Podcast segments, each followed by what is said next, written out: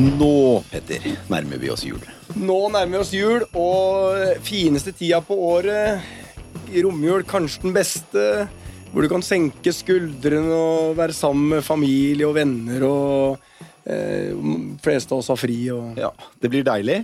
Ja. Eh, satser på at vi eh, slipper å jobbe så mye i romjula òg. At vi kan eh, flate den helt ut og kose oss. Eh, jeg har jo bytta jobb i løpet av året. Ja. Eh, og vi har to gjester som også har byttet jobb. Ja. Så vi tenkte hvorfor ikke snakke om det å bytte jobb?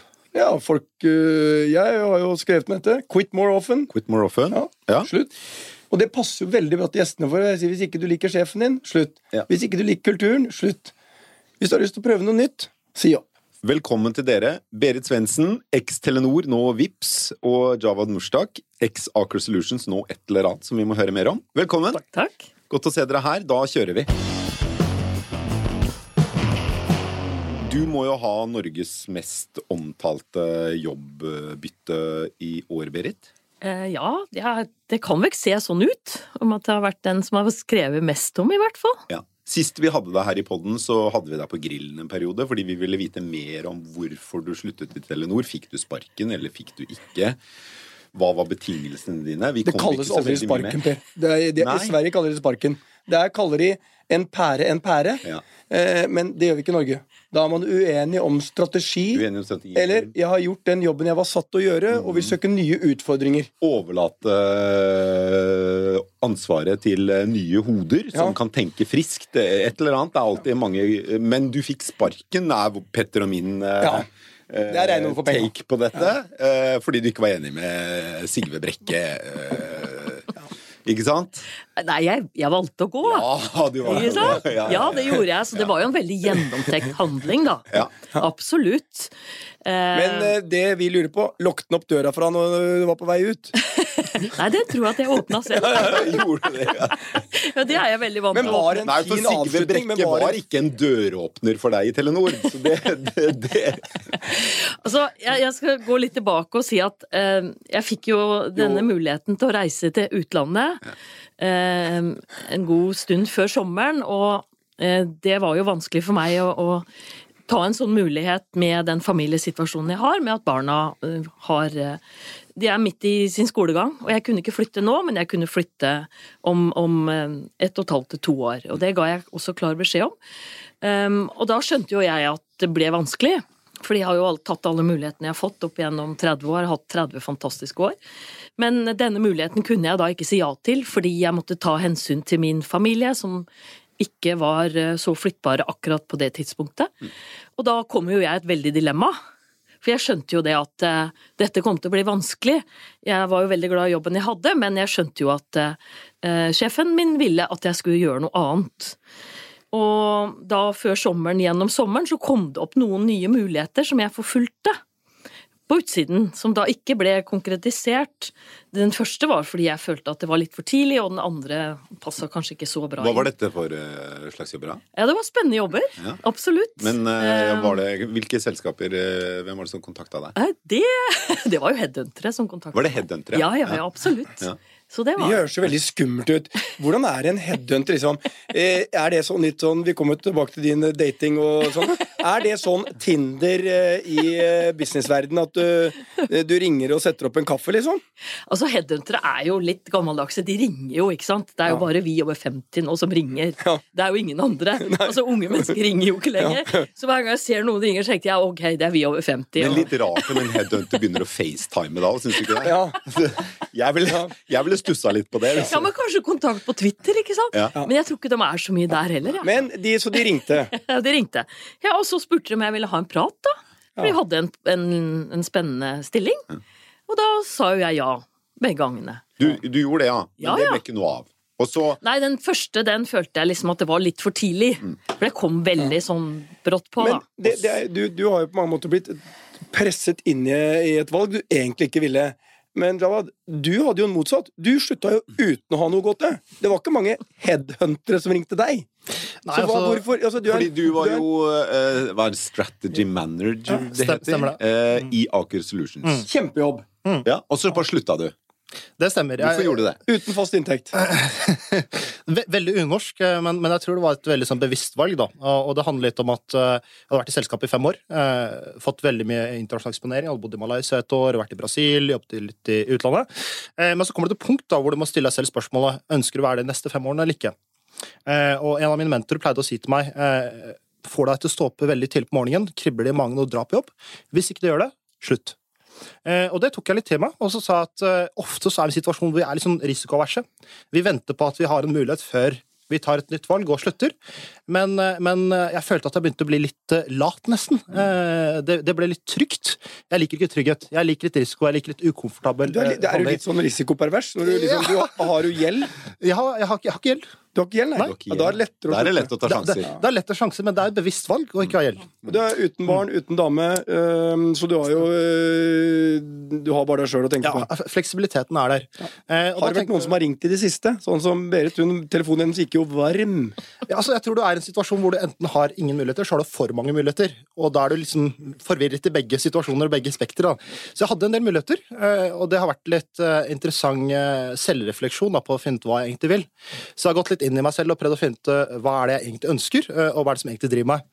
Eh, Og så begynte jeg å se på et sånn japansk konsept som heter ikigai. Eh, og det, det handler om hvordan man har et langt og lykkelig, lykkelig liv. Da. Et japansk konsept. Og de ser på fire ting. Og det ene er hva elsker du? Hva er du god på? Hva trenger verden, og hva kan du få betalt for? Det som er i midten i senteret av det, der er det din ikigai. Så, så Hva er i midten? Ikigai. Ja, men hva er i midten? Hva er i senteret av det? Det er, det, konseptet heter ikigai. Det Ja, er det som det gjør deg på en måte gir deg et langt og lykkelig og happy Og det var disse fire kriteriene. Yes. Eh, og ikke- du er på full fart og blir sånn munk i Tibet. øh, Som går ut, går ut sånn juk, i sånn derre eh, kimono og sitter Og der og ringer sånne mediterer. Ja. bjeller. Ja, men, er, er vi Og der? så har sånn chakra, chakra, og det er bare lykke. Men eh, du må jo få mat på bordet. det, Og det siste punktet på lista di, det var sånn Og et sted du kan tjene penger. Ja. I dette eh, Chong Kongai eh, Det høres ut som en sånn eh, suppe fra Thailand. Tom Kangai. Eh, men jeg, jeg b- b- b- vil bare hold- frys litt den der, der sånn. Eh, fordi dere har begge vært i samme situasjon. Hvordan føltes det først, Berit, hvordan føltes det første dagen du var ute av Telenor? Du hadde ingenting. Du sitter bare der. Det er stille. Hvor mye kok var det da oppi huet ditt? Det er klart det koker, da. Ja, for du har jo liksom gått gjennom en, en skilsmisse. 30 år, vet du. Det er som en eh, sånn godt etablert ekteskap, det. Ja, 30 år vil jeg gi da. Da vil jeg si at det er mer enn bare godt etablert. var det Ja? Ja, så Jeg, jeg syns jo det var, det var en veldig vanskelig situasjon. Jeg visste at nå måtte jeg stå på egen hånd. Jeg hadde jo hatt et fantastisk apparat rundt meg. Jeg hadde jo hjelp til det meste. Eh, som ordna hverdagen for meg, for det var jo en veldig travel, morsom jobb. Men eh, når jeg sto der, og så tenkte jeg det var jammen godt at jeg gjorde det, fordi jeg visste jo at eh, eh, jeg hadde Jobben hadde jeg hadde gitt mer til jobben de siste eh, månedene enn jeg følte at jeg fikk tilbake. Jeg fikk ikke energi lenger av dette. Det var ikke morsomt lenger. Og da er det jo egentlig bare å si, vet du hva, nå går jeg. Men Og, da og du har jo ganske mye energi, for, Ja. fordi det, du, kan jo ikke, du kan jo ikke se en radiosending. Men det er vel, du, er, du er vel på energitoppen i Stormkast? Ja, og det kommer fra Duracell-kanin Ja. Ja. Men for å bruke hennes språk, eh, jeg er en kombinasjon av Duracell-kanin og en teletubby. Ja, ja, ja, ja, ja. Med et Men, innslag av Kaptein Sabeltann. ja. I hvert fall med de rette jakkene, så, så har du Kaptein Ja, men Sabeltann jeg, meg og Berit passer bra sammen. Vi, vi drar på med litt ekstra stæsj. Men, men Berit, da du eh, Fordi denne, denne din eh, avgang fra Telenor, den varte jo over en god stund, og hadde sikkert litt sånn ulike, mm, ulik rytme. Noen perioder og dager og uker var veldig intense, andre var mer sånn vente, se an, ikke sant? Eh, Da, du, da det var klart at du skulle slutte, da det var kjent, og du var ute av døra i Telenor for siste gang, husker du hva kjente du da? Som på vei ut av Telenor-bygget, hva var følelsen du hadde? Ja, det er jo en sånn blanding både av lettelse, på en måte. Nå fikk jeg gjort det. Det her burde jeg kanskje ha gjort for en stund siden. Eh, og det er den derre Å, hva gjør jeg nå?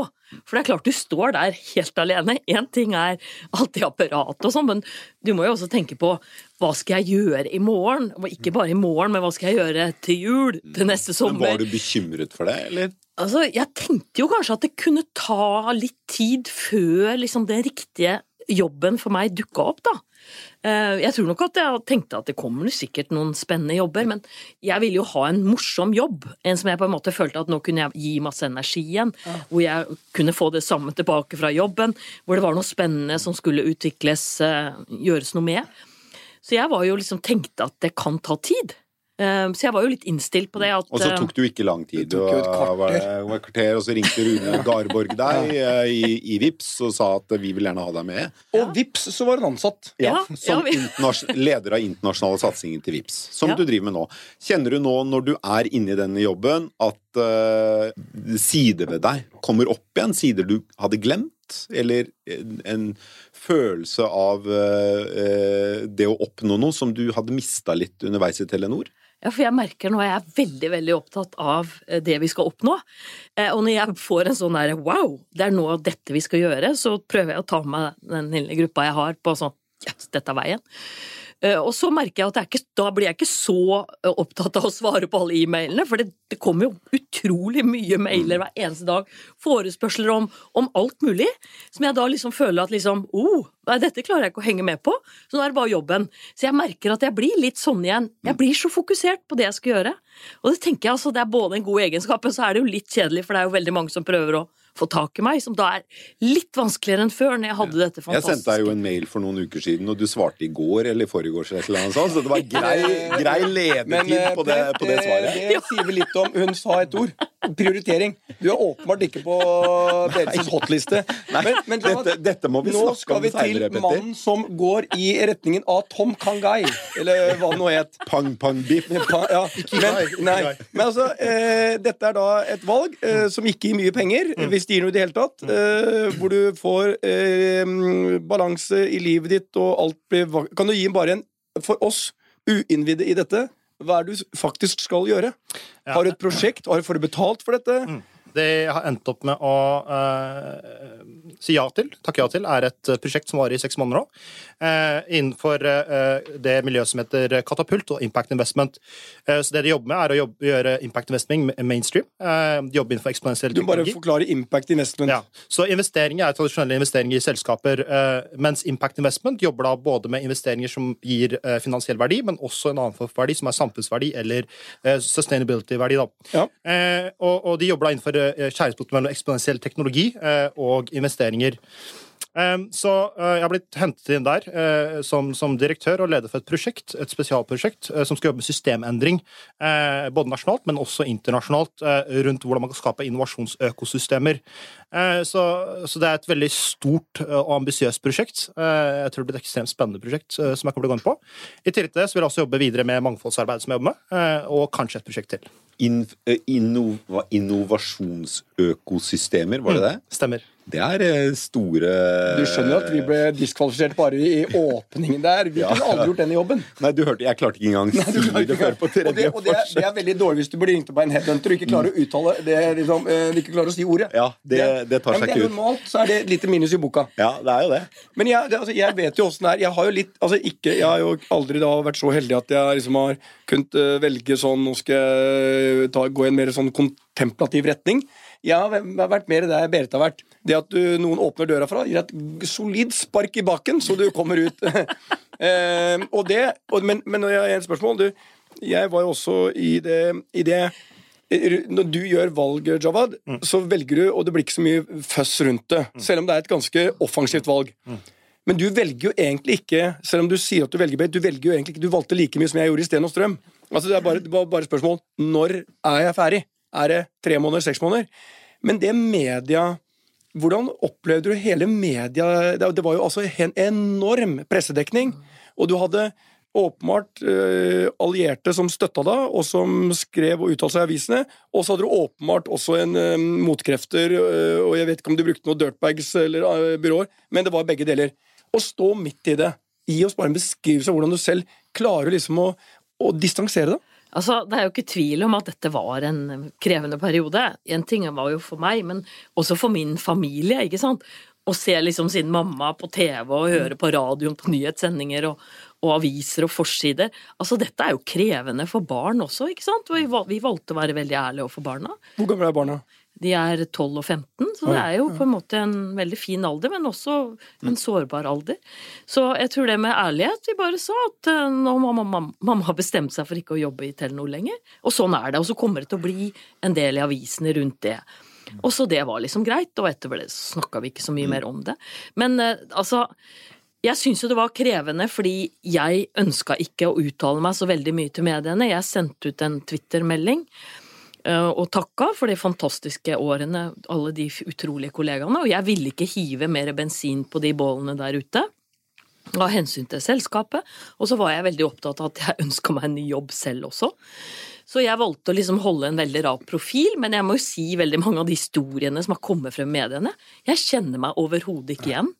Så jeg tenker at litt sånn oppfordring til mediene, dere må sjekke kilder mye, mye bedre. For alle rundt meg visste jo at jeg var i en sånn familiesituasjon, at jeg ikke kunne flytte i løpet av noen måneder til et annet land. Men jeg var jo ikke redaktør i E24 på, på det tidspunktet du fikk sparken, men jeg vet jo av erfaring hvor hvor krevende sånne, sånne maktkamper, eller hva man enn kan kalle det, da, er å dekke, fordi frontene blir så sterke, og det er så mange historier der ute som, som, nesten lever sitt eget liv, og det er vanskelig å vite helt hvilke kilder du kan stole på, fordi alle har en agenda. Mm. Mm. Og det er ikke alltid du engang vet den agendaen, Nei. så det er jo krevende for media å altså, og jeg må si Noe av det, noe av det dummeste jeg vet, det er når mediefolk slutter i media og begynner i kommunikasjonsbransjen, og så plutselig blir de så kritiske til media. Det er, ja. jeg, er sånn eh, Det er ikke deg? Nei, det er nei. ikke meg. For jeg, altså, jeg, det er jævlig vanskelig å være redaktør og journalist i mm. sånne saker. Mm. Og det, det, tror jeg. Og, og, og, bare fordi Jeg er jo enig i at man skal jo strekke seg så langt som overhodet mulig for å sjekke sannhetsgehalten, mm. men samtidig så kan ikke det for enhver pris forhindre media fra å omtale en sak. Altså, man må på en måte eh, eh, eh, Ryktene har en egenverdi i mm. noen tilfeller, da. Men uh, jeg husker jo det selv da Vi møttes jo, Petter, jeg tror det var i april. Ja. Uh, for første gang. Uh, I hvert fall i denne sammenheng. Og jeg headhunta deg. Ja. Si. Nei, jeg, må, jeg, nei, jeg, må... jeg, var han som tok den der telefonen. nei, ja. For å headhunte noe jeg åpenbart visste at du var mye bedre enn meg på. Men det var jo sånn at jeg kjente jo etter det møtet vi hadde, at jeg var jo eh, Jeg var også litt som deg, Berit. Jeg var jo klar for å tenke på noe nytt. Så jeg kjente at jeg hadde gått litt, hadde gått litt sånn i stå. Men Per, siden vi er innom det. Ja. Nå skal jo Javad eh, sannsynligvis løpe av noen måneder eh, ordentlig ut og forhandle. Eh, du forhandla jo ganske godt på vegne av deg selv. Det var omtrent som eh, Jeg vil si dette er det nærmeste sannsynligvis Solskjær eh, har vært akkurat eh, når han satt i går kveld med Ferguson og forhandla lønna si. Jeg vil si at ja. du var helt i verdensklasse der. Nei, jeg er ikke enig i det. Altså, dette må vi ta en ny runde om seinere. Altså, fordi jeg mener jeg kunne eh, smelt på enda litt mer. Eh, det var, eh, det var, eh, når jeg ble blek, så ble jeg veldig sjelden det. Det var, det var bare lønnsforventningene dine. Men det var før. Det er sånn øh, og her skal du, Dette kalles sånn øh, Det er motsatt av sånne salamiforhandlinger. Altså Du bare tar én skive Du skal ha hele pølsa, men det blir litt voldsomt hvis jeg presenterer pølsa. Så jeg tar bare ett lite kutt av gangen. Ja, Du mente jo at jeg ba om hele pølsefabrikken, du. Ja, jeg, jeg, følte liksom at det var ikke mye igjen til meg. ja, det er jo da, Petter. Og når, når, når, når, du kom litt ned i bakken, så sånn Men jeg, jeg, jeg må jo ha en eierandel. Og da tenker du sånn Ja, en liten eierandel skal du få. Men jeg tenkte du skal jo ikke ta over selskapet. Det er faktisk sånn at jeg er headhunteren, skal sette opp et selskap. Det er, jeg skal ikke gi deg et selskap, det er et annet konsept. Men jeg, synes, jeg vil si, du var fantastisk god. Du burde faktisk skrive bok om hvordan late som du er beskjeden og ikke opptatt av penger, men så er du innerst inne en ordentlig liten onkel Skrue. så jeg, jeg syns du gjorde en god jobb. Ja, du skal ta en prat med Jawad, som uh, åpenbart uh, trenger et par tips. For han er jo på full fart inn i Tibet. Ja, det der, uh, Ja, han er det. men jeg, skulle beskrive litt den følelsen jeg hadde da når jeg hadde lagt grådigheten min til side og jeg skulle slutte i E24. Uh, da var det sånn jeg, jeg, sa opp på kvelden, jeg husker ikke hvilken dag i uka det var. Neste morgen så uh, sto jeg der foran de ansatte i E24 på et allmøte uh, og sa ha det. Og så var det ut døra. Ut døra uh, på minuttet etter det allmøtet. Og jeg husker da jeg gikk ut av bygget for siste gang, så hadde jeg en veldig sånn eh, For meg var det en veldig sånn tomhetsfølelse. Jeg visste det, Jeg visste jo hva som venta meg, men jeg visste jo ikke egentlig hva det innebar, det jeg hadde takket ja til. Jeg visste, men jeg visste veldig godt hva jeg hadde sagt farvel til. Og det var en underlig følelse, og det var eh, eh, Jeg tror det er en sånn følelse som Du gikk ikke fra noe, du gikk til noe. Ja, jeg gikk jo til noe. Eh, men jeg visste jo ikke så mye hva jeg gikk til, men jeg visste veldig godt hva jeg gikk fra. Eh, og det var, det var veldig rart det at jeg gikk jo til noe, jeg valgte jo noe. Men jeg, men jeg visste veldig lite om det valget jeg tok. Så det, det, det er eh, en rar øh, og sterk følelse, det å ta et sprang. Men jeg, jeg tror liksom Jeg hadde veldig mye samme følelse, da. Eh, Og, og gode beslutninger handler ikke bare om hva man skal gjøre, men også hva man ikke skal gjøre. Og samme i min situasjon så var det akkurat samme tilfelle om at jeg visste at fem år var nok. Eh, Jeg vet hva jeg ikke skal gjøre, og så må jeg finne ut hva jeg skal gjøre. Men kan det være så vanskelig, da? Jeg, når jeg fikk sparken, så jeg, jeg gikk ut altså, døra, og jeg tenkte eh, Nå må jeg skaffe meg et kontor. Og så må jeg skaffe meg noen kollegaer. Jeg kan ikke gå her og sose. Så det, og, det var, eh, og det var en mandag, og tirsdag så satt jeg på et kontor på Aker Brygge da, hos noen kamerater. Og så hadde jeg min første ansatte i løpet av et kvarter. Og så var du i gang. Og så var jeg i gang, og jeg bestemte meg for én ting. Dette er en kjempemulighet. Endelig kan jeg finne på noe. Jeg visste at jeg skal ikke drive med kjøpesenter. Så kom hotell skliende inn på et bananskall. Men det, det som er litt jeg sier sånn Det som er forskjellen, det er jo holdning altså, du, har ja, du er utrolig reflektert, og du tenker over det du gjør. Eh, Den muligheten fikk jo ikke Berit og jeg, egentlig. Eh, Vi, vi, vi, vi, vi skulle ut, vi. For vi var omtrent like populære der vi var som Brennesle er i en nudistleir. Eh, hvis du skjønner hva jeg mener. Jeg kan ikke si at jeg relaterer meg helt til den metaforen der, men Jo, det er ubehagelig. det, er, Ja, det er det brenner, og du er naken. Ja, det, er, det, er en, det er en beskrivelse av eh, noe som er veldig ubehagelig. Men, men jeg synes det som Javad sier, som jeg syns er helt fantastisk, og det er jo det som jeg tror det er flere unge enn eldre som er opptatt av i dag. De skal gjøre en impact. ikke sant? De skal løse noen av de store utfordringene vi ser i verden. De drives i mye større grad av, av bærekraftig utvikling, av samfunnsutvikling. Det syns jo jeg er helt fantastisk. For at vi, må, vi må jo ta et større ansvar. Altså, Vi har jo ikke tatt vårt ansvar ordentlig når det gjelder hvordan, hvilken retning denne verden går i med klimautfordringer, med søppel. Så jeg syns det er og Med sult og katastrofer, ikke sant. eh, Værendringer. Jeg syns det er så flott når jeg ser sånne unge mennesker som, som liksom sier vi skal gjøre en forskjell.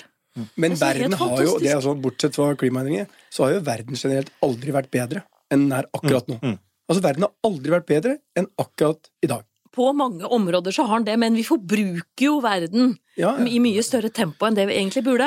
Ikke sant? Og at det kommer unge som er mye mer opptatt av dette enn det vi var når vi var unge. Men jeg- Det jeg- syns Men jeg er Javad, hvor er du om tolv måneder?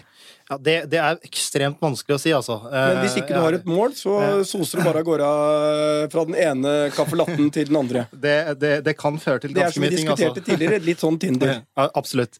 Eh, Jeg vil bare eh, følge opp på det punktet her eh, som ble tatt opp rundt det med eh, hva de unge ser etter. Eh, Og jeg tror veldig mange arbeidsgivere, spesielt store konsern, må ta det litt til seg.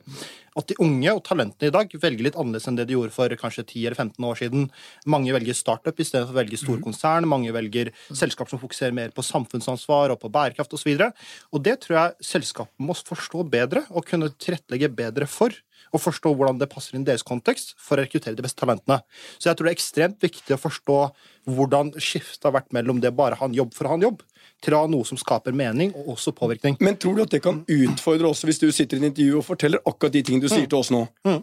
Altså, Jeg er ikke bare opptatt av jobben og lønna, jeg er opptatt også av disse tingene. Tror du det kan skremme noen? Tror du det kan være negativt for deg?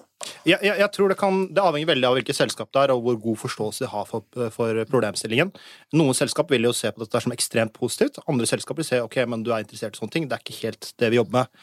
Eh, Jeg følte jeg hadde litt den situasjonen der jeg var, eh, der jeg var tidligere, eh, som gjør at jeg måtte gi opp. Jeg ønsker ikke å ha en, en, en situasjon hvor jeg jobber med ting som skaper en positiv påvirkning ved siden av, eh, og så jobber jeg for å ha en jobb og ha penger eh, i, i dagjobben min. Jeg ønsker å kombinere disse to. Eh, Selskap som forstår det, tror jeg er de selskap som virkelig vil lykkes med, med talentrekrutteringen. Det syns jeg er veldig spennende, for Mm. det betyr at eh, skal vi rekruttere i fremtiden, Berit, så må vi begynne å tenke annerledes.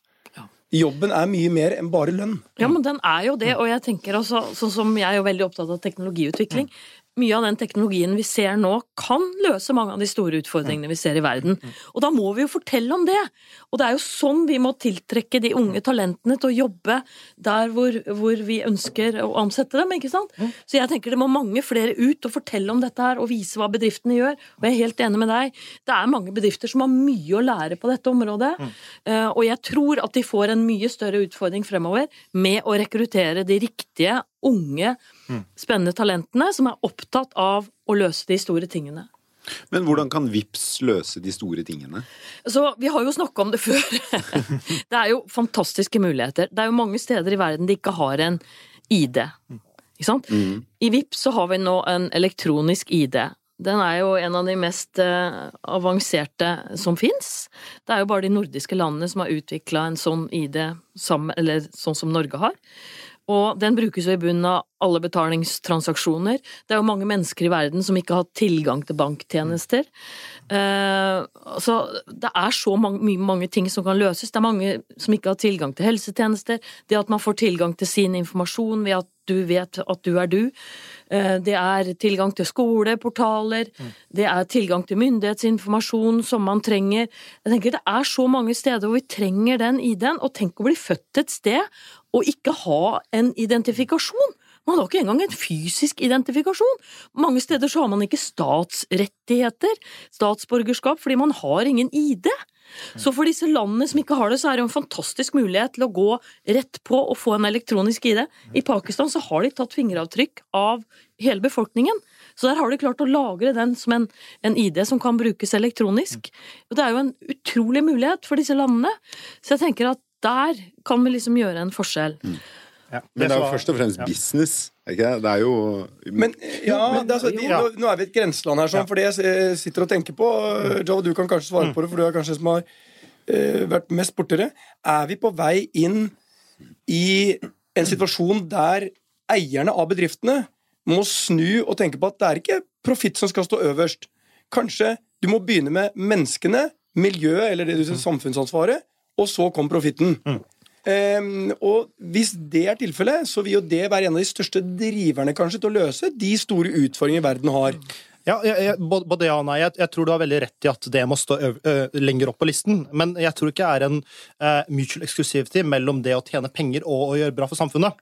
Jeg tror definitivt det å faktisk tjene penger i fremtiden avhenger av at du faktisk fokuserer på de to, tre, fire områdene rundt bærekraft. Ja, så du skal begynne å rapportere basically som du rapporterer Absolutt. regnskapet ditt. Absolutt. Så må du rapportere på eh, people og planet på en Ja. måte. Og du skal tjene penger, og du skal gjøre bra for samfunnet. Det er ikke sånn at du skal gjøre det ene eller det andre. Og det tror jeg Vips gjør ekstremt, ekstremt eh, bra, og DNB gjør veldig bra.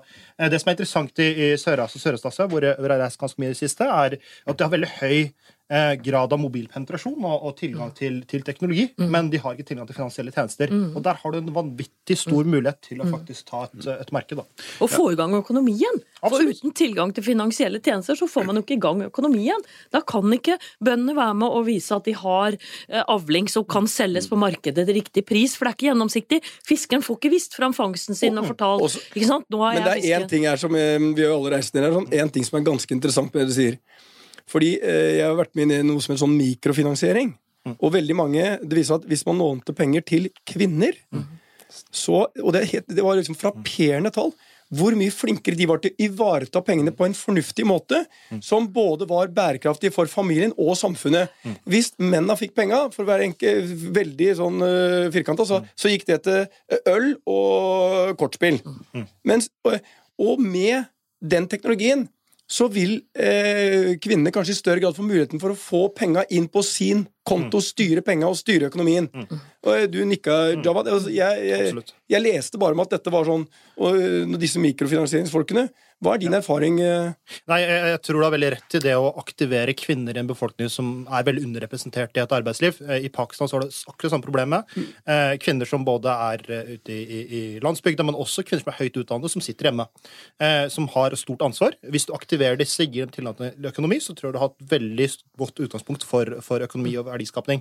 Eh, og så tror jeg det, det Berit sier her, eh, passer veldig fint inn i at du, du bidrar til, til å gi folk muligheter, gir dem tilgang til finans, og du bygger økosystemer og innovasjonsøkosystemer. Så det passer veldig veldig Der kom det ordet igjen.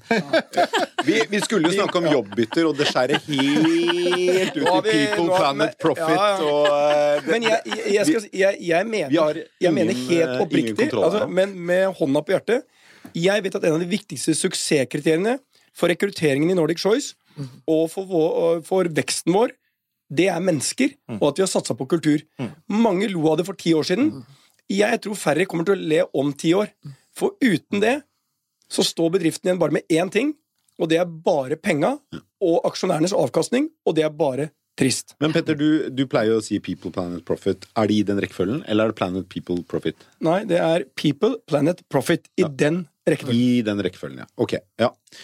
For Vi må videre også, eller ja, vi må videre. si en Men jeg vil bare si altså, en ting, For jeg mm, Ref det vi har snakket om nå, da. Jeg er jo, selv om det er utrolig viktig å ha en annen historie å fortelle om selskapene enn bare det som angår eh, profitt, så eh, tror jeg vi går veldig galt av sted hvis vi ikke setter profitt øverst i Per, bedriftene. Per, Per, Fordi Per, Per. svikter lønnsomheten, så er det ikke ja, mye igjen til People det- and Planet. Men nå ble du veldig konservativ. Ja. Profitten kommer hvis du gjør de andre tingene på en riktig måte. Ja, absolutt. Så det er derfor jeg sier, men, men feilen er hvis du det er ingen som blir motivert veldig mye Nei. at uh, Petter Stordalen skal tjene mer penger. Nei. Nei. Det, det tror jeg ikke motiverer noen. Nei, det det er ingen jeg som blir motivert hvis jeg sier i år skal dere få lov til å være med og ta opp EBD-en min fra eh, 9,9 til 10,5. Det er ikke sånn at de reiser seg da og jubler og tenker jeg gir livet mitt for det selskapet her. De det, men- det er ikke men- Javad vil jo ikke engang Han vil, han vil ikke engang Han vil ikke orke å bo på de hotellene engang. Nei, så jeg sier sånn, Men lønnsomheten vår har kommet av at vi har snakka om mangfold, annerledeshet, alle de verdiene våre. Absolutt. Og da, rekrutteringen vår har også kommet som følge av det. Men hvis, hvis du som bedriftseier slutter å bry deg om profitten Det er en ting er hva du snakker om på, på konferanser og til de ansatte, men hvis du slutter å bry deg om at EBITDA-en må opp fra 9,9 til 10,5, Men det er å så er det ikke så veldig skapes. mange mennesker å er forstå engasjere noen år down the line. Ja. Ja. Ja. Jeg har et fantastisk, fantastisk eksempel fra laksenæringen i Norge. For det er ikke nok fisk i havet til å mette jordas befolkning. Så vi må drive oppdrett. Og det løser jo VIPS. Nei, VIPS løser ikke det, men det kan løse en del betaling og ID. Men, men når det er sagt, så er det jo sånn at det er jo ikke særlig Det, er jo, det kan gjøres mer miljøvennlig enn det gjøres i dag. Det vet alle. Og det som blir testa ut nå, er å få fisken furtere opp i slakteferdig alder ved hjelp av teknologi, ved at du måler alle miljøfaktorene rundt den. Og hvis du gjør dette riktigere, så kan du også øke produktiviteten, og da gjør du begge deler. Og det er jo dette du må gjøre. For altså, det er ikke nok fisk i havet. Nei. Men, men det er jo der du kombinerer det å tjene penger med teknologi for å skape en bærekraftig utvikling.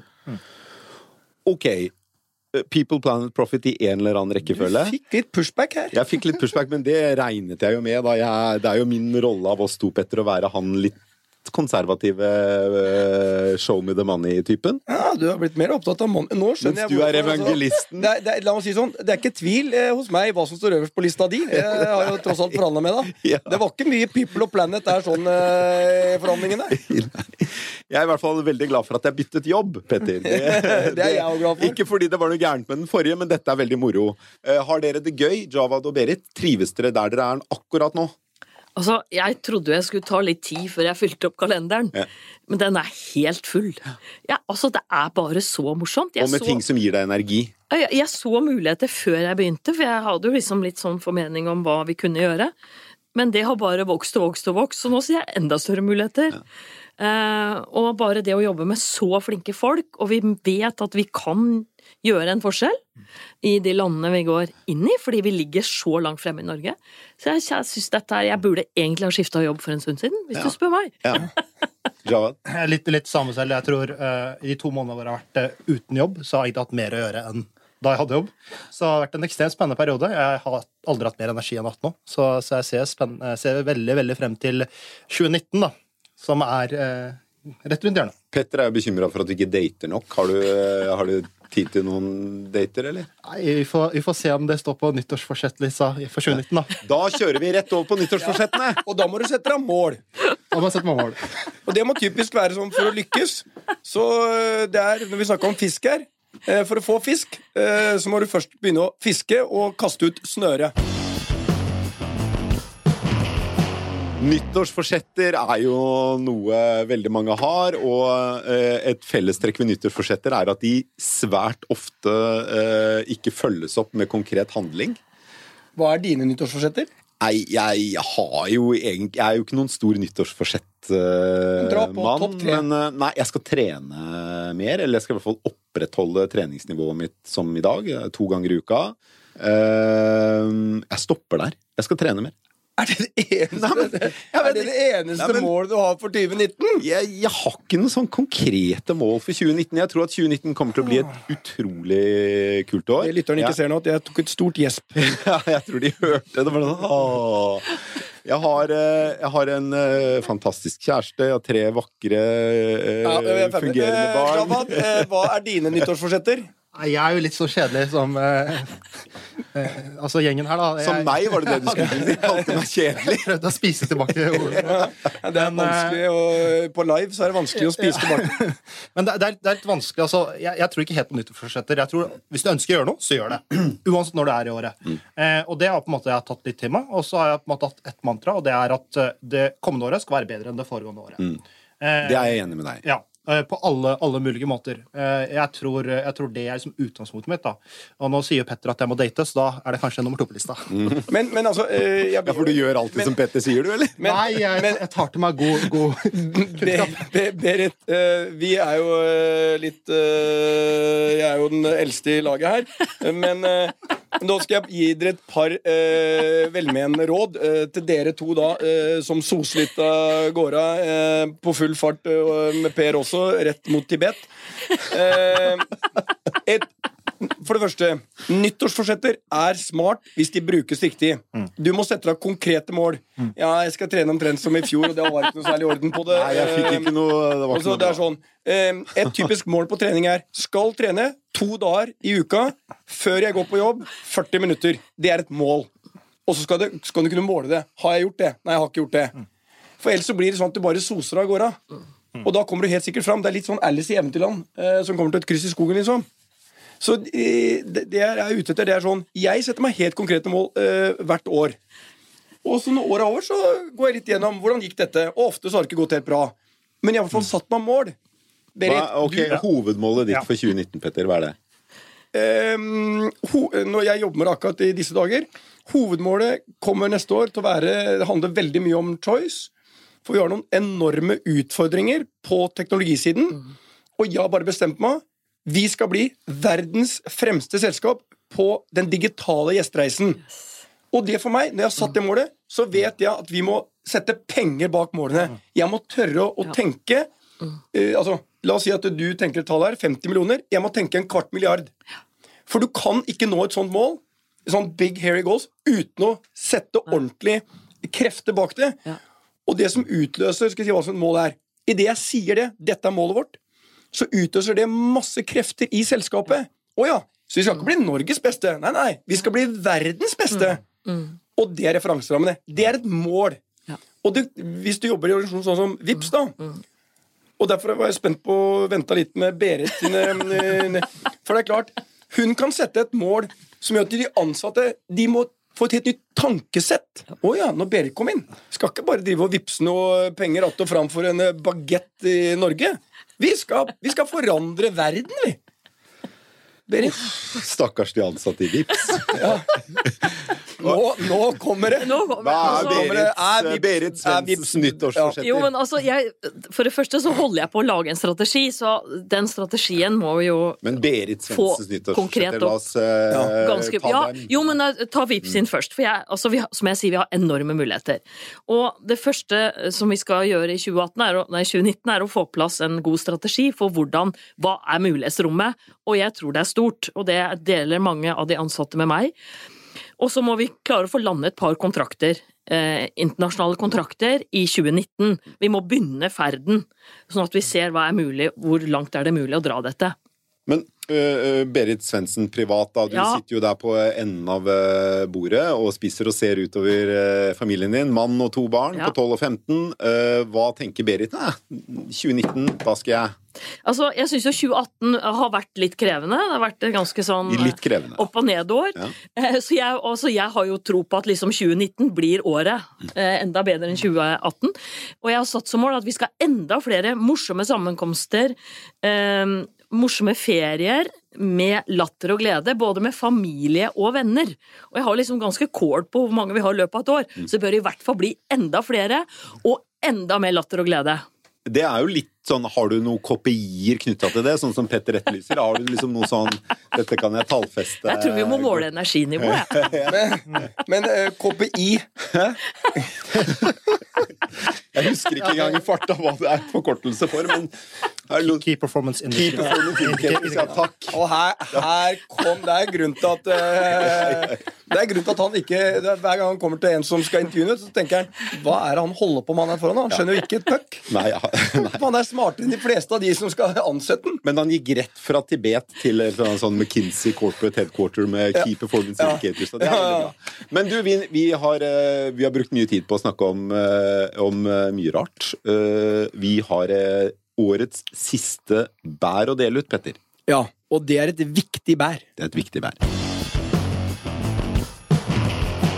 Forrige uke ble Ada Hegerberg tildelt Gullballen som tidenes første kvinnelige fotballspiller. En fantastisk prestasjon fra verdens desidert beste kvinnelige fotballspiller. Ja. Så ble hun bedt om å danse på scenen når hun eh, går opp der for å hente pokalen. Eh, Hun bare ser på vedkommende og sier spør om hun kan twerk. Ja, ja. Rister på rumpa, og hun bare ser på han og sier nei. Og så går hun videre i programmet. Det skulle ikke ødelegge dagen hennes at hun ble redusert til en som kanskje kunne twerke på scenen. Hun skrev en kronikk eh, i etterkant av det på The Players Tribune. Eh, den er senere oversatt til eh, VG. En fantastisk velskrevet kronikk om hvordan hun ikke har slått seg opp som kvinnelig fotballspiller, men som fotballspiller. Og at hun har eh, ofret de samme tingene. Hun har lagt mye, like mye av seg selv i eh, sin karriere som fotballspiller som en hvilket som helst annen, mann eller kvinne. Og at det handler ikke om man er mann eller kvinne, men det handler om en dedikasjon og en kjærlighet til sporten. Eh, den kronikken anbefaler vi virkelig alle å lese. Den eh, kommer vi også til å legge ut på eh, Stormkasts eh, Facebook-side ganske snart. Les den, og heia Ada Hegerberg. Ja, vi skal heie på henne. Um, og så er det et lite spark i balla uh, til han tullebukken, uh, som ikke forstår at vi er i, uh, snart i 2019, og sånt skal bare ikke skje. Nei. Og da er det bra at hun setter han ettertrykkelig på plass, og forteller det hun gjør. Og hun setter ham på plass på en måte som er så elegant, for hun, hun sier at nei, det, det var ingenting. Det var bare sånn ah, Ja. Jeg gidder ikke forholde meg til det engang. Et av de mm, hyggeligste ukas bær vi har delt ut. Tusen takk skal dere ha for at dere kom i studio, Berit Svendsen og Javad Mushtak. Truls Johansen har produsert denne sendingen som vanlig. Vi eh, stikker innom med et par sånne småsendinger eh, de neste ukene. Og så snakkes vi igjen for ordentlig på nyåret. God jul og godt Nytt år!